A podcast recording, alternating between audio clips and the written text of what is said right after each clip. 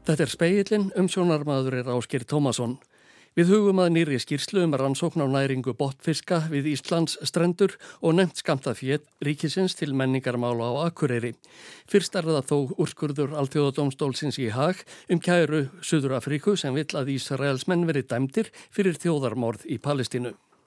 By 16 votes to 1, the state of Israel shall take all measures within its power to prevent and punish the direct and public incitement to commit genocide in relation to members of the Palestinian group in the Gaza Strip. Með 16 atkvæðum gegn einu skal Ísraels ríki grípa til allraðra ástafana sem í þess valdi stendur til að koma í veg fyrir þjóðarmorð palestinumanna á Gaza og refsa þeim sem hvetja til þess, saði Joanna Donoghue yfirdómari, alþjóðadómstólsins í Haag í Hollandi þegar hún las upp niðurstöðu dómstólsins í hátteginu í dag. Jáframt krefst mikill meiri hluti dómarana þess að Ísraelsmenn grípi til tafarlausra ráðstafana til að tryggja nöðsynlega grunnþjónustu og mannúðarastóð til að bregðast við slæmum lífskilurðum íbúana á Gaza. Einning berðum að gera ráðstafanir til að varðveita sönnunargögn sem tengjast ásökunum um þjóðarmorð á íbúanum og enn fremur. By 15 votes to 2, the state of Israel shall submit a report to the court on all measures taken to give effect to this order within one month as from the date of the order. Með 15 atkvæðum gegn tveimur ber Ísraels ríki innan eins mánadar að leggja skýrslu fyrir domstólinn um allar ráðstafanir sem gerðar hafa verið til að framkvama skipanir sem koma fram í úrskurðinum, saði Donahue, domsforsetti. Þeir sem vonuðust til þess að æsti domstól saminuðu þjóðana krefðist þess að Ísraels menn legðu niður vopn á Gaza urðu fyrir vonbreyðum með niðurstöðuna. Aðrir fagnuðinni sem áfanga sigri. Hún er einugist til bráðabyrða en fyrirlikur að domstólinn ætlar að rannsaka málið enn frekar og taka síðan afstöðu til þess hvort hernaðar aðgerðir Ísraels manna teljist þjóðarmorð. Að flestir álíti á málsmeðferðin eftir að taka nokkur ár. Það voru stjórnvöldi í Suður Afríku sem höfðuðu mál gegn Ísrael og kröðust þess að þeir rannsaka virði hvort þjóðarmórð væri í gangi á Gaza. Naleti Pandor, utanrikisráð þeirra var í réttarsalnum þegar bráðabyrða nýðurstaðan var lesin upp. Hún rætti eftir á við fréttamenn utan við dómshúsið í hag og sagði að niðurstaðan væri ótvíraður sigur fyrir alla sem vildu virða alþjóðalög og uh, hún var í tímamót í leitinni að réttlæti palestinsku þjóðinni til handa. Hún hvast vissulega hafa viljað að dómstólinn fyrirskipaði vopnalli á Gaza en... The saving of life is not uh, merely with respect to having a ceasefire, it's to ensuring that humanitarian aid is provided Það er hægt að bjarga mannslífum án þess að koma á vopnallíði. Með því að tryggja að mannúðar aðstóð sé veitt, saði Naleti Pandor. Hún bætti við að tryggja yrði að hernámsliðið í Ísrael, hinn raunvörulegi stjórnandi Palestínu, veitti alla þá grunn þjónustu sem íbúar á Vesturbakkanum og Gaza þörnuðust. Cyril Ramaphosa, fórseti Suður Afríku, var einnig fullur þakklætis þegar hann flutti sjónvarps ávarp í beitni útsendingu eftir að niðurstaðan lág fyrir. Hann sagði að hún væri segur í baróttinni fyrir því að allt þjóðalög væri virt, sömulegðis fyrir mannréttindi og réttlæti í heiminum. Meiri hluti dómarana hefði staðfesti rétt Suður Afrikumanna til að leita til domstólsins þótt þeir ættu ekki hlutað máli í ágreiningi Ísraelsmanna og palestinumanna.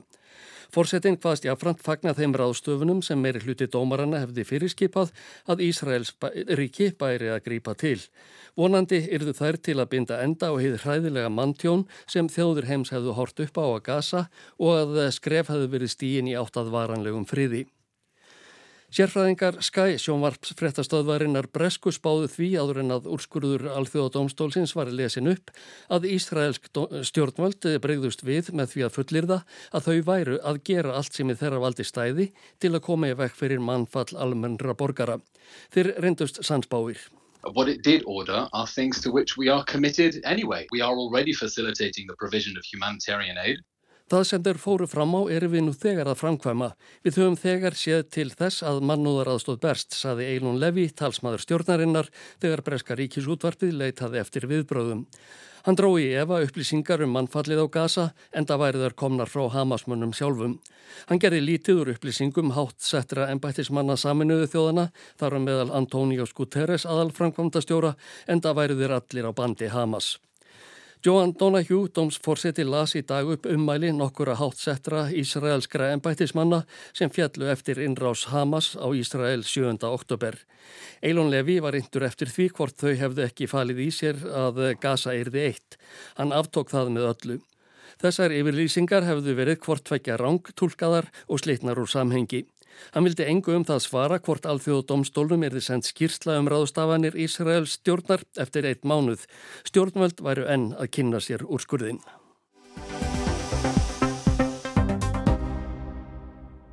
Hafrannsóknarstofnun byrti á dögunum skýrslu um niðurstöðu viðamiklar langtíma rannsóknar á næringu botfiska við Íslands strendur.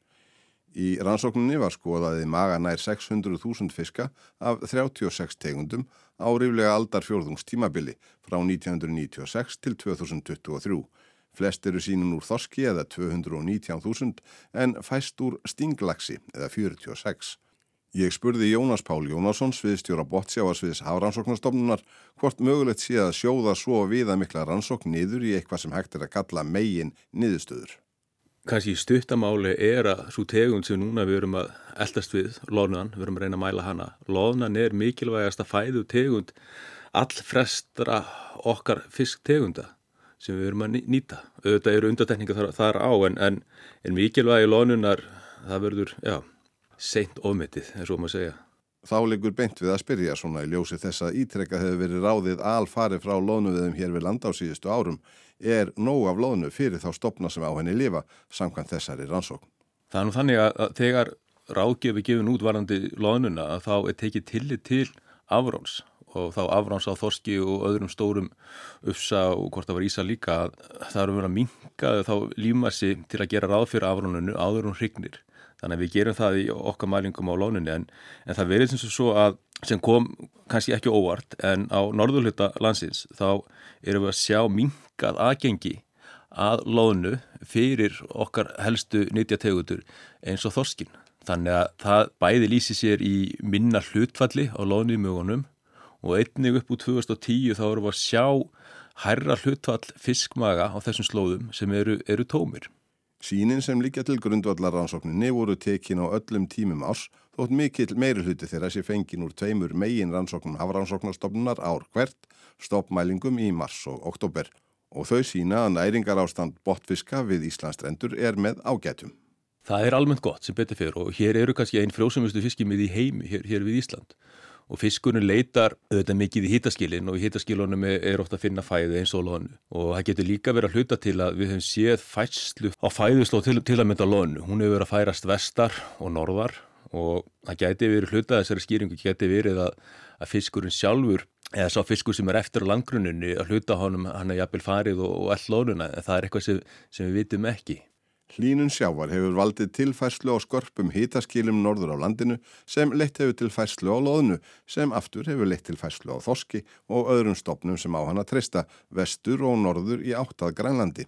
Þetta hefur haft nokkur áhrif á það hvar menn stunda þoskveðar, segir Jónas, en sá guli heldur sig þó líka mikið á sínum hefðbundnu slóðum, fer í sínar hefðbundnu hrygningar göngur og eldir loðnuna þegar hún gengur á landgrunnið.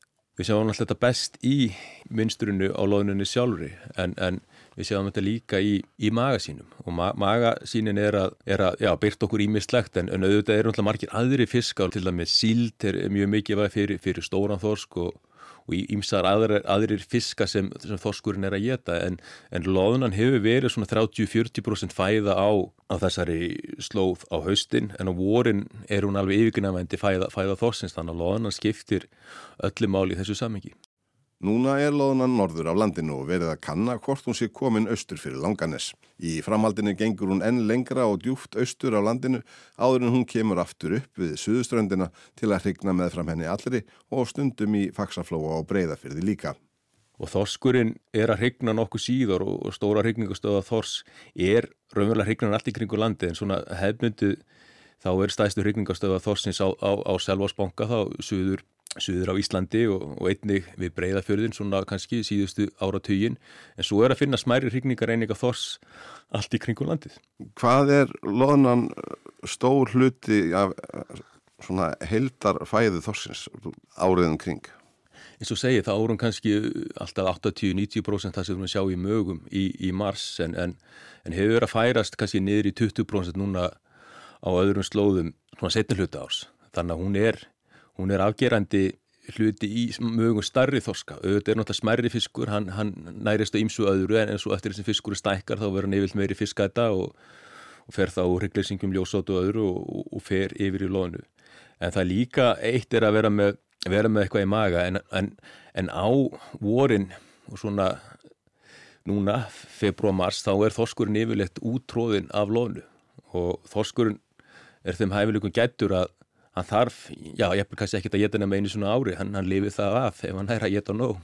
Já, hann er að belgja sig út bara vorin, þá getur það döga frá næsta ára, voraða hvað? Já, kannski dögur ekki vel, en, en, en það getur dögað og, og hérna, þetta á, á vorin skiptir, skiptir gríðalög miklu máli. Þessi mikla rannsók sem hér er til umfjöldunar snýst ekki bara um þorskin, heldur 35 botfisktegundir til viðbótar og þær eru ekki allar jafn háðar loðnunni og þorskurinn. Nei, alls ekki og hann kannski kom pínu óvart allavega svona mínu bæjandur sé að, að mikið okkar skötutegundum og eppil sumur háar og voru mjög háðir hryggleysingum, botlægum hryggleysingum, kannski komaði ekki óvart að náttúrulega skötunar eru eru með munum fyrir neða sig og, og eru, eru mikið í ímiðskona hrygglinsingjum og, og botlægum dýrum. Þannig að, þannig að það var það var ímislegt að finna þar og, og svo kannski líka einnig mikilvægu ljósátu ljósáta er svona kannski líkil eina af þessum líkil krabbadýra tegundum það eru, eru nokkra tegundur eina svona þrjár helstu tegundan sem finnast allt í kringulandið og það er mikið af fiski sem er að nærast á ljósátu allt í, kringu, allt í kringulandið og karfi til að mynda er mikið í ljósátu svona já, bara, bara og stór karfi og unguði flestra tegunda. Þannig að ljósáta er, er svona kannski fyrir minni, minni fiska og, og, og marga tegundir er líka leikil, fæða. Og fyrir unguði eins og segir, þetta er, þetta er barnamandurinn? Já, hann má segja það. Annað sem gæti komið leikmannum á óvart er fjöldi hávategunda við landið. Hér eru Jensenshávar og Þorsteinshávar, Flatnefir og Svarthávar, Lóðhávar og Dökkhávar, Rauðhávar, Gljáhávar og Gíslahávar, svo eitthvað sé nefnt og svo hitt að hávartin skuli helst lifa á allskynns smákvikindum margir hverjir. Mikið af þessum há, háategundum okkar eru frekar smáir, eru kannski háa sem eru undir 50 cm, 60-70 cm, þannig að það er tölveru fjölbyrjuleiki af, af smáum háum. En svo náttúrulega eru við með hákallin sem er náttúrulega auðvitað í starri bráð og, og getur í mig smákveli og, og starri fiska. En, en, en þessi smærri háar, þeir eru margi hverjir, eru í, í, í, í krabbadýrum og, og botlægum tegundum. Rannsóknin nær til 36 tegunda af botfiski sem fyrr segir. Það eru þó mun fleiri fisktegundurnar sem er á sveimi í íslenski lögsugu, ímist allan ásinsing eða sem tilfallandi gestir.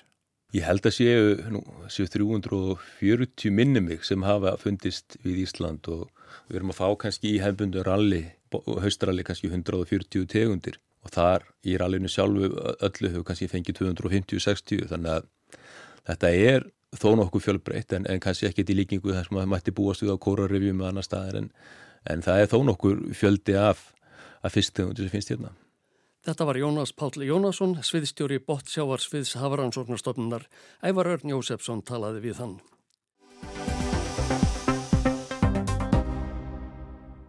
Bæjarstjórin á Akureyri vil sjá ríkið veita meiri fjármunum til menningarmála í bænum en núverandi samningar segja til um. Þetta stærsta sveitarfélag utan höfuðborgarsvæðisins standi fyrir öflugu menningarstarfi sem nýtist fólki víða um land. Sem dæmi fái Akureyri aðeins um 5% af því menningarfið sem Reykjavík fái frá ríkinu. Í gildi er menningarsamningur millir ríkis og akkurera bæjar sem endur nýjar er að nokkur ára fresti.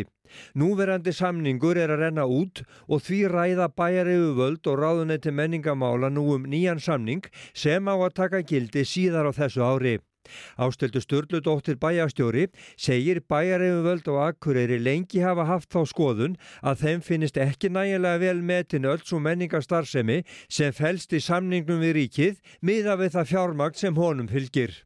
Nei, við höfum litið svo á að, að við séum skilin eftir. Við erum með bara blómlegt menningarlíf hérna á Akureyri. Við erum með eh, atvinnuleikús, það er eina utan höfuborgarsvæðisins við erum með Sinfoníuljónsveit, eh, við erum náttúrulega með menningarhúsið Hóf og svo glæsalegt listasafn og höfum verið svona hinn borgin, það sem er eh, upplugt menningarlif uh, fyrir landsbyðin og landið allt og teljum að, að við eigum að fá að njóta þess. Ef þú ber saman Akureyri og Reykjavík til dæmis í þessum, þessum efnum muna miklu á, á þeim peningu sem að, sem að þið fáðu gegn ykkar menningarsamning og síðan Reykjavík? Já, sko menningarstofnunar hér á Akureyri eru ekki ríkistofnunir en framlag ríkisins eh, til þeirra eru 230 miljónur ári og framlegið til svona sambærilegra ef við setjum það inn í gæsalappir mm. uh, til þeirra stopnana sem sinna þessu hluturki eins og Sinfoniljónst Íslands, Þjóðleikúsið, Harpa, Listasafn Íslands, það er, voru á síðasta ári 4,6 miljardar króna. Þannig að það er eh, vantartöluvert upp á að, að, að við fáum eitthvað í, í líkingu, þess ekki svona 5% af, af þeir, þeirra upphæði sem við erum að fá. Fyrir utan fasta upphæð menningarsamnings segir ástildur að sérstakki samningar hafi verið gerður um einstök verkefni. Það sína að núverandi menningar á þeirra stiðji akkureyringa í þessu starfi. En ég trúi því að, að, að eh, stjórnmálmenn sjáu það að það er gríðarlega mikilvægt að hafa upplugt menningarlíf út á landi og hafa upplugt menningarlíf hér. Eh, það, ég tel það að vera gríðarlega mikilvægt í, í ljósi Eh, bara orðuræðu, eh, líðræðislegar umræðu eh, og að því að skautun í samfélaginu er mikið til umræðu held ég að það sé líka mikilvægt að hafa öflugar menningarstofnanir sem íta undir umræðu í samfélaginu. Nýtt starfs á listasapsins á Akureyri var kynnt nýlega. Linur Hallsson sapnstjóri segir að viðurkenning eins og felist í menningarsamningi við ríkið skipti miklu máli. Það er mjög mikilvægt og það er sko mikilvægt fyrir Akureyri sem höfuð stað Norðurlands og það er mikilvægt fyrir landsbyðurnar að ríkið viðurkenni það að það er mikilvægt að hafa menningarstarf úti á landsbyðunum líka mm. og fyrir listasafnið á Akureyri er það auðvitað sko mjög mikilvæg viðurkenning þó að við fáum ekki peningin beint til okkar, það er akkurra bær sem að fær upphæðina og síðan er það sett á þessa fjóra uh, posta sem, sem er Sinfonían, Leikfélagið, Listasafnið og Menningarfélagið og það kostar nefnilega mikið að reka stórt og flott og metnaðarfullt listasafn og það að ríkið viðurkenni það að það sé mikilvægt er mjög jákvægt. Ég vildi auðvitað upphæðan væri hærri. Mikla kröfur eru gerað til menningarstofnana sem sækja fjármunni í ofnbæra sjóði og hlínu segir starfsfólk listasapsins vel meðvitað um það. Aðsóknina sapninu stiðji það meðal annars. Já, það held ég. Það er alveg svona dalti grundvöldar atriði. Sko, þú veist, það hvort að maður sé alltaf að telja hausa, það er auðvitað ekki aðalatriðið. En það er líka mikilvægt að, að, að, að safnið fái góða aðsók og að fólk sé ánægt með fjölbreyttar síningar og það að eh, aðsóknin hafi farið frá 2022 þegar hún var uh, rúmlega 10.000 upp í 2023 upp í 20.000 það er auðvitað alveg geggjað. Og það verður auðvitað erfitt að toppa það á, á þessu ári, ég veit það alveg. En, en hérna en en það skiptur auðvitað líka máli og líka umtalið um safnið.